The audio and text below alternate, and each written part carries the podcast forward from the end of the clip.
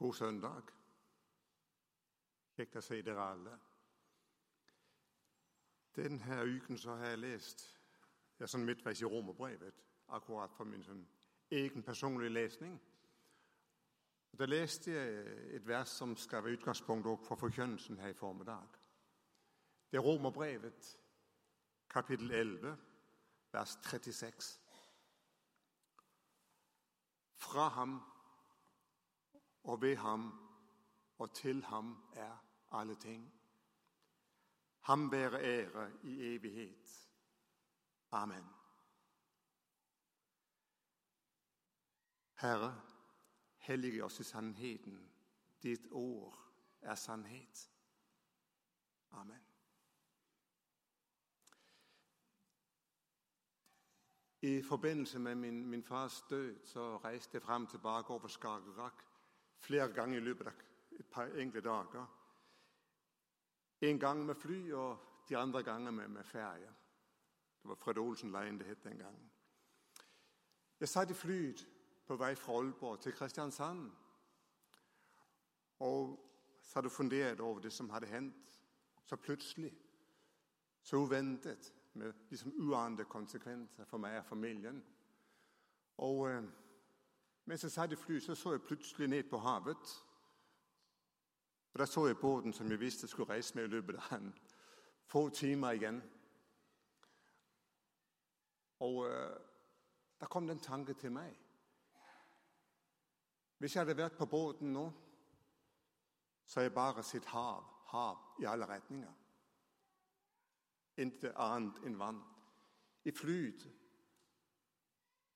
og Danmark akkurat forsvunnet for et minutt siden. Og allerede nå så, jeg den norske kysten.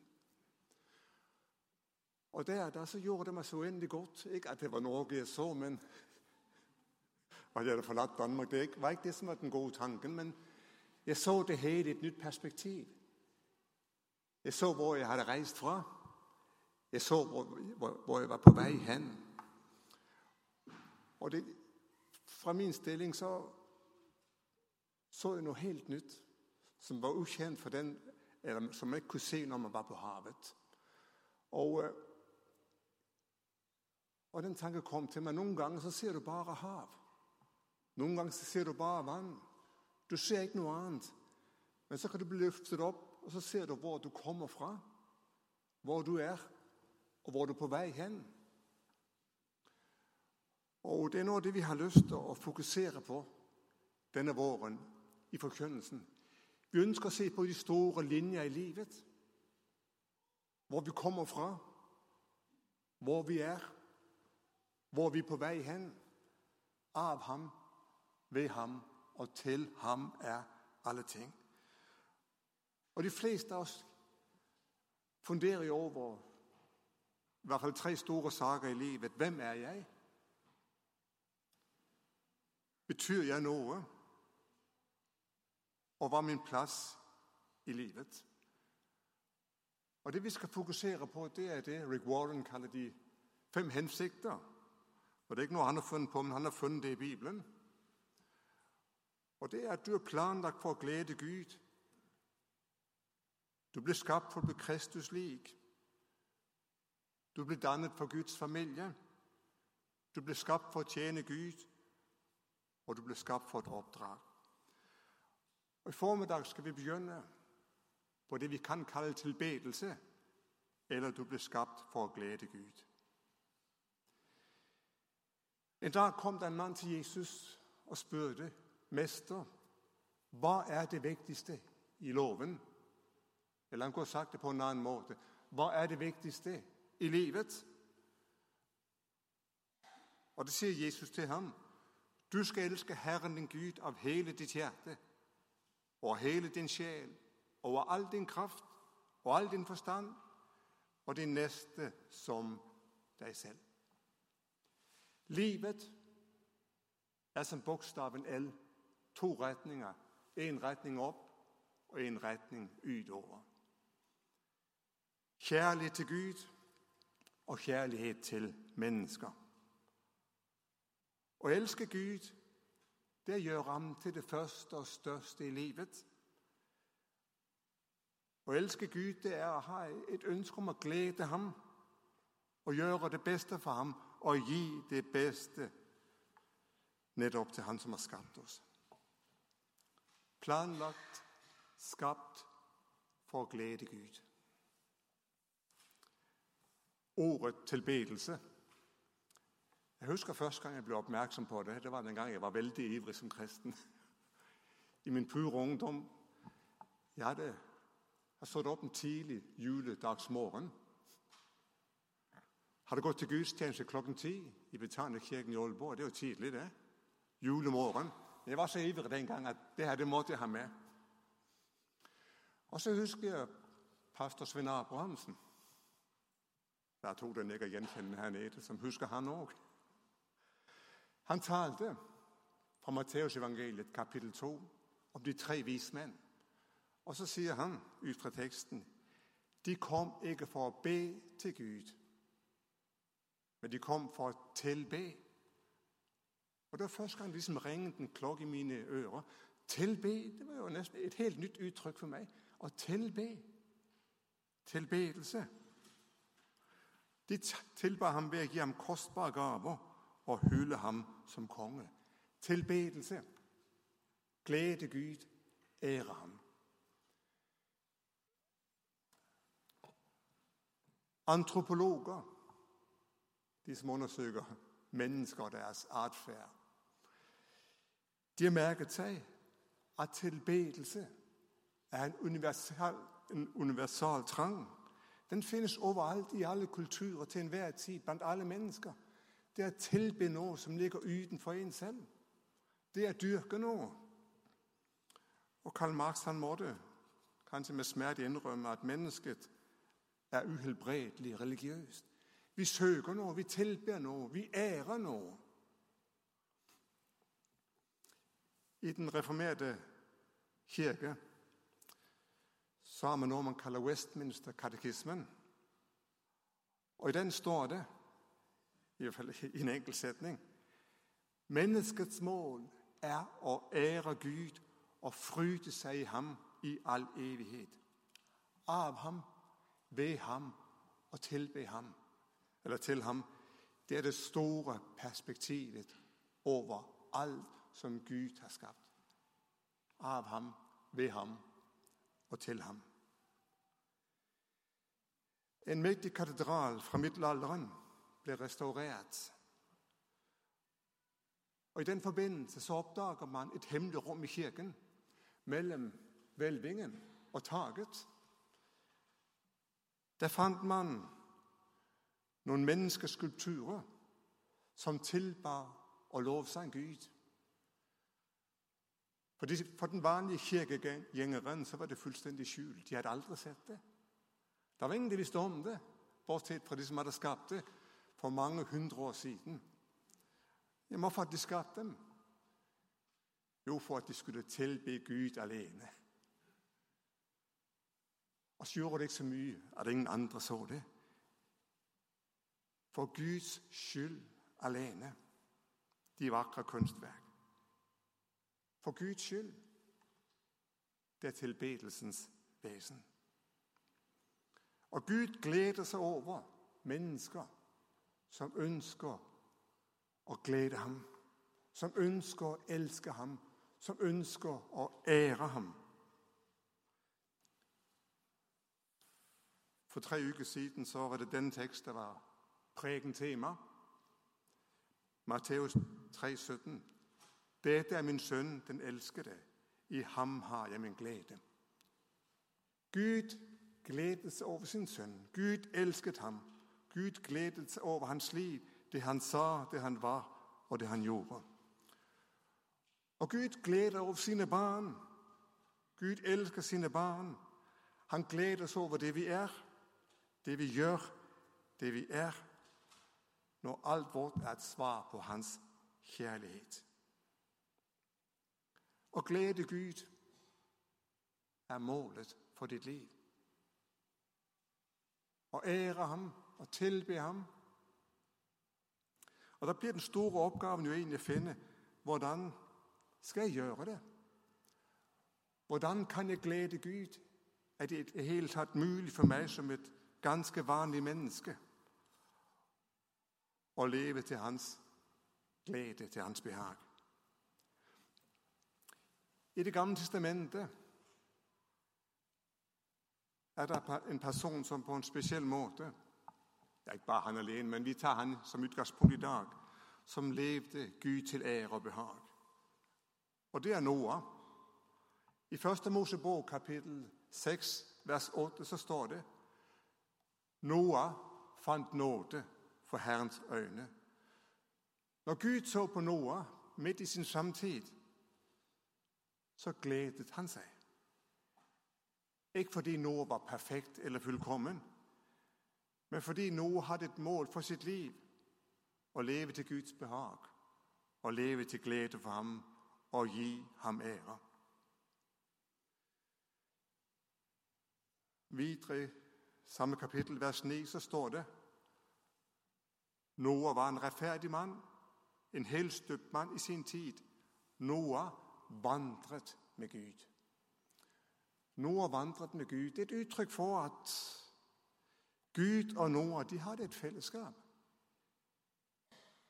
Gud ønsker å ha et levende forhold til hvert menneske. Han elsker oss og ønsker at vi skal få lov å dele livet med hverandre.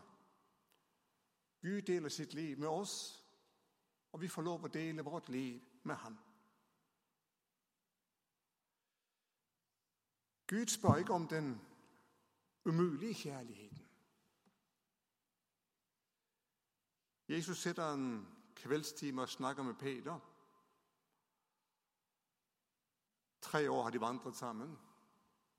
Peter har hatt de store ordene i sin munn, hatt den store bekjennelsen, hatt den store, sterke troen helt til skjærtorsdag kveld. Og Nå sitter de og snakker sammen. Og Det det hele tiden dreier seg om, det er, er deres relasjon til hverandre. Vennskapet, kjærligheten.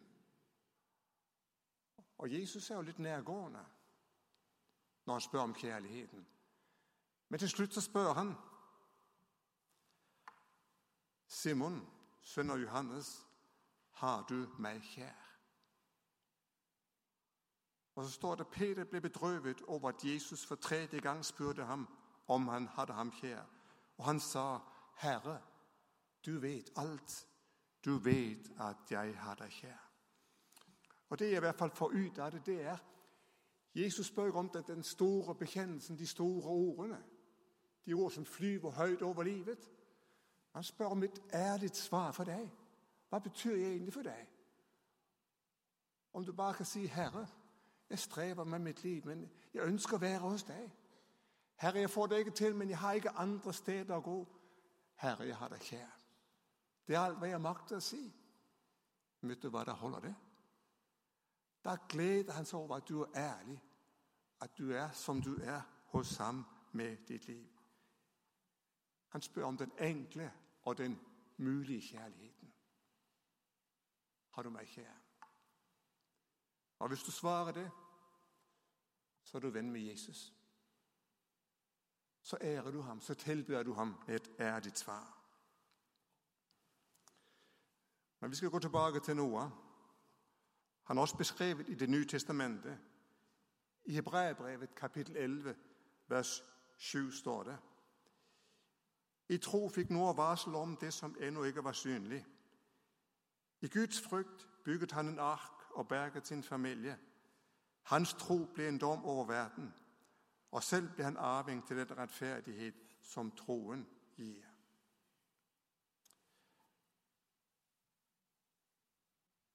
Noah han tok et valg i forhold til Gud og det Gud hadde vist ham.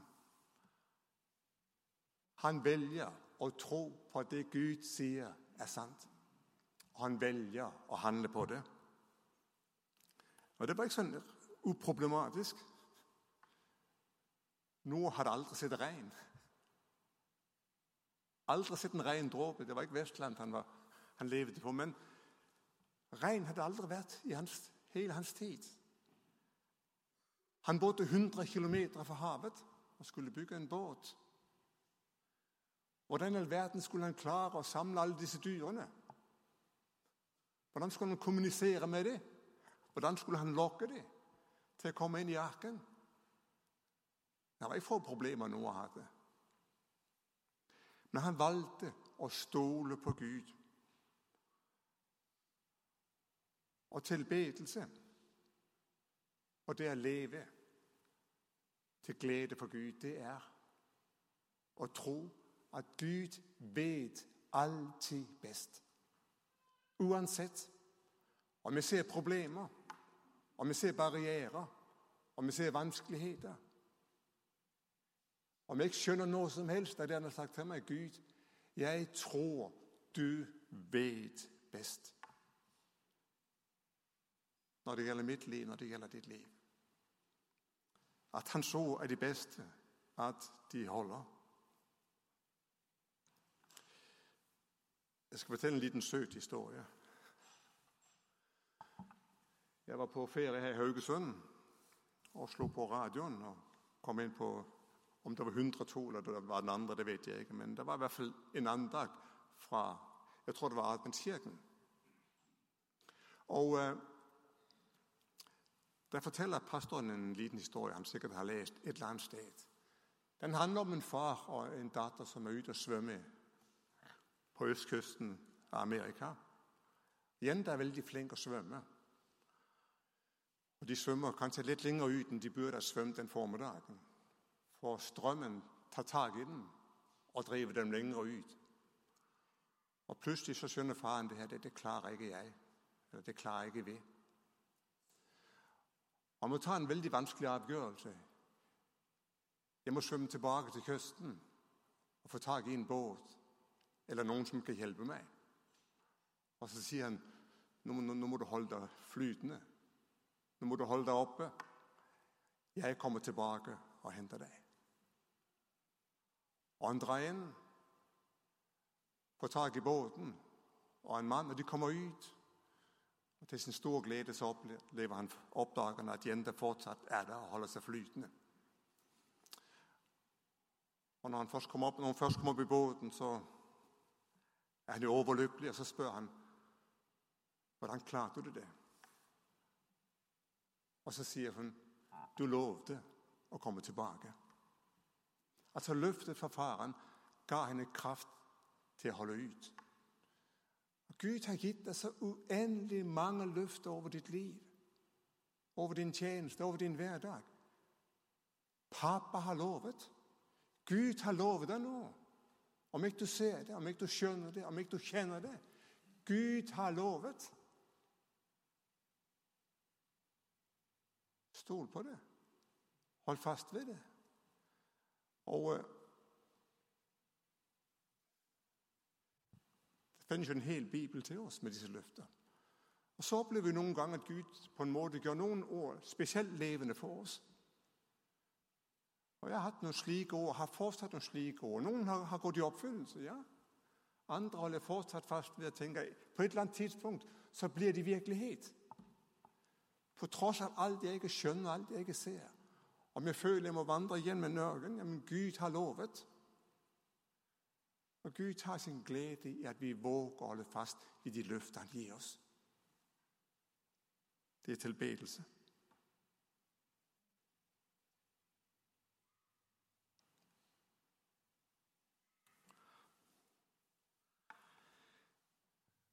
Gud gleder seg når vi helhjertet adlyder ham. Første Moses, Mosebok 6,22. Og Noah gjorde dette. Alt som Gud hadde pålagt ham, det gjorde han. Og så kommer det her vanskelige uttrykk 'helhjertet'. Hva er det å være helhjertet? Er det å være fullkommen? Nei. Men det er å gi hele sitt hjerte til ham. Med dets mangler, med dets problemer, med dets tanker, med dets følelser. Det legger vi fullkomment over i Hans hånd. Og så opplever vi at Hans velsignelse, Hans glede, er over oss. Derfor formaner jeg dere ved Guds barmhjertige søsken, bær kroppen fram som et levende og hellig offer til glede for Gud. Dette skal være deres åndelige Guds tjeneste.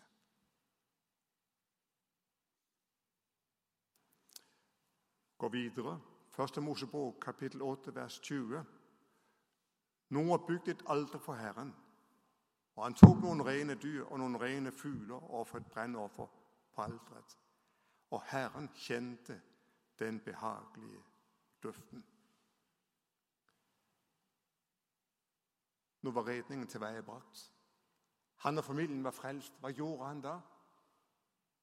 Bygga et, et alter og lover og priser Gud. Å ære og prise Gud, det er å takke ham for det han er, og det han har gjort. Og Det kan vi gjøre på mange måter. Nå har jeg nevnt å stole på Gud, gi seg til ham, men også gjennom sang og musikk. Gjennom bønn. Og Når det gjelder sang og musikk, så er det jo mange forskjellige stilarter. Utrolig mange forskjellige stilarter. Så mange måter å gjøre det på. Så mange kulturer. Og ingen er mer rett enn andre. Det er ingen stilart i sang og musikk som er mer tilbedende enn andre. Gud elsker alle. Ingen stilart er mer åndelig enn andre. Musikkstilen du liker, sier mer om deg enn den sier om Gud. Det er ikke spørsmål om løftet det hender eller hender i lommen. Det det betyr nå, det er hjertets innstilling til Han vi lover og priser. Så har jeg noen sanger jeg liker bedre enn andre. Noen stilarter jeg liker bedre enn andre. Og det er opp til meg. Det Gud ser etter, det er et hjerte som åpent og ærlig sier ham takk, og for hans ansikt for å ære og tilbe ham. Ektheten og kjærligheten er den viktigste. Når det gjelder bønnen, så har Fader vår, eller vår Far, som vi sier nå, så mye å lære oss. Den begynner med tilbedelse. Så kommer det som hører ham og hans rike til. Så kommer det som angår meg i min hverdag. Og så slutter det med lovsang og tilbedelse igjen. Jeg vet ikke hvordan du ber, men lær av Fader vår.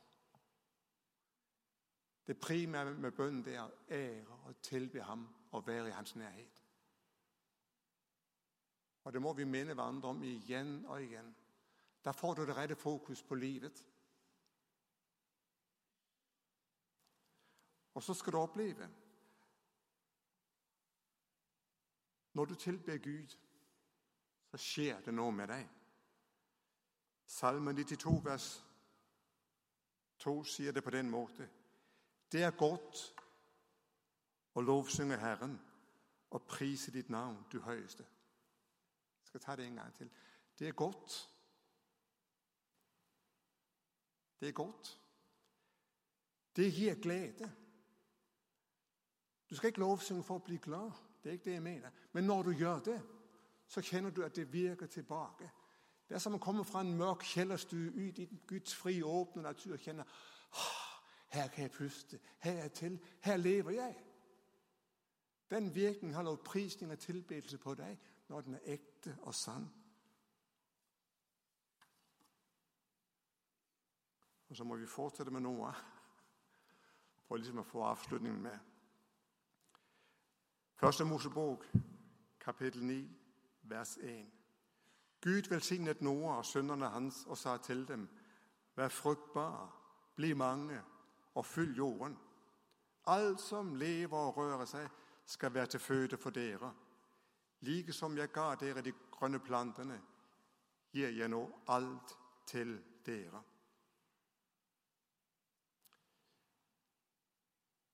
Etter frelsen så ga Gud nye oppdrag til Noah og familien hans.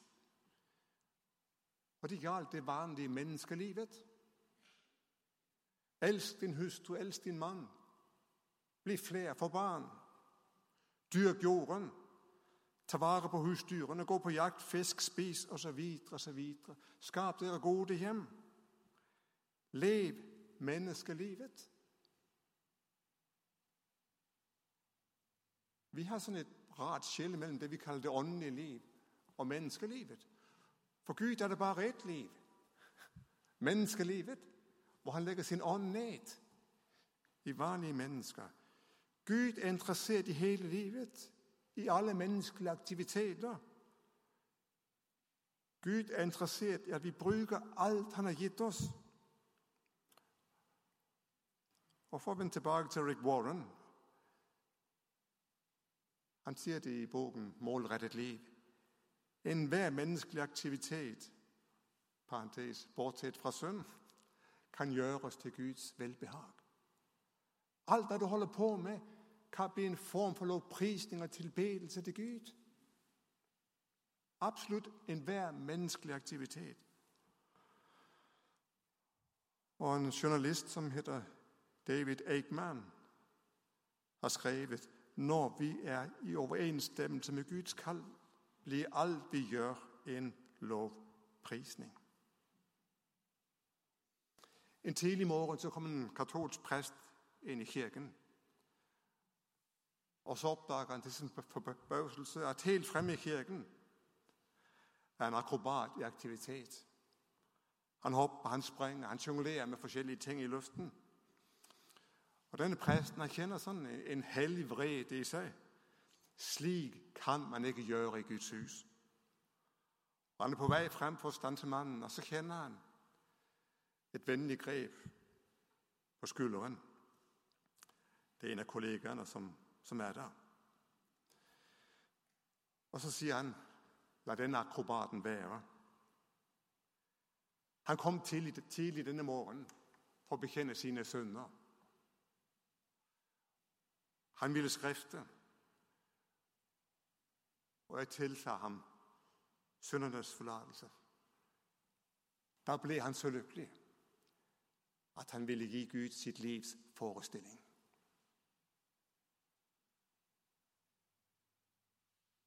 Har du lyst å gi Gud ditt livs forestilling? Har du lyst til det? Med alt hva du er, alt hva du gjør, med alle de baller du har i luften, med alle dine baduttspring, eller hva man kaller det. Og gi Gud ditt livs forestilling. Herre, jeg ønsker å være deg til glede. Jeg ønsker å leve for deg.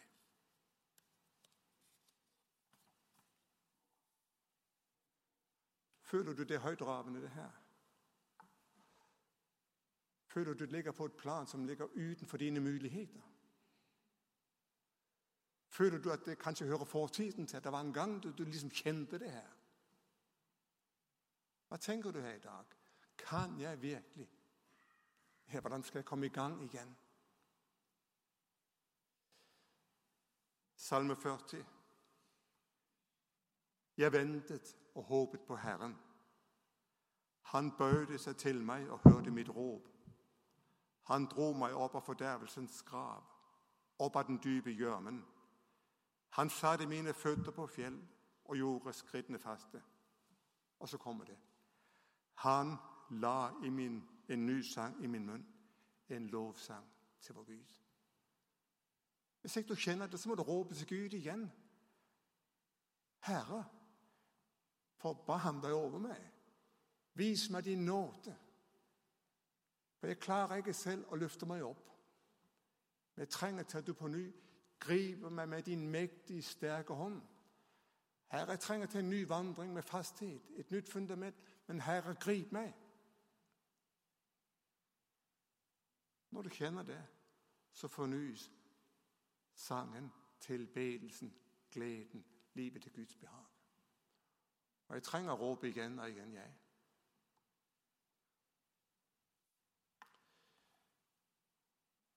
Johan Sebastian Bach, er jeg som sier det Du har hørt om ham? Kanskje den største komponisten sammen med Mozart og Beethoven.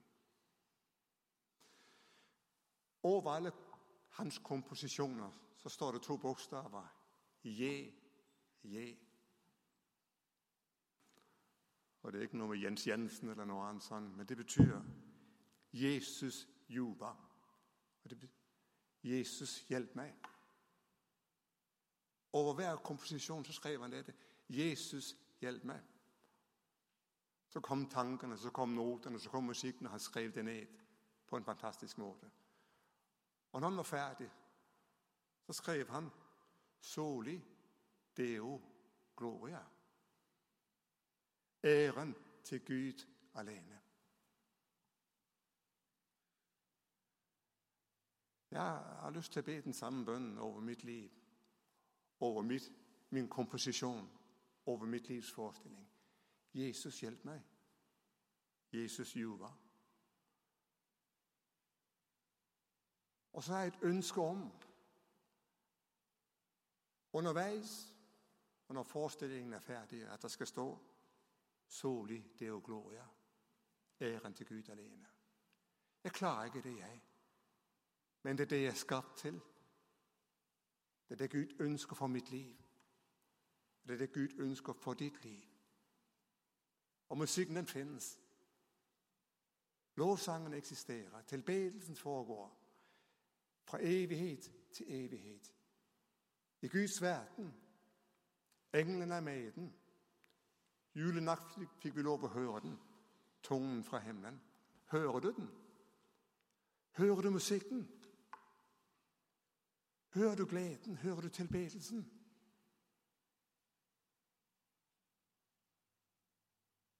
Hører du den? La oss be sammen.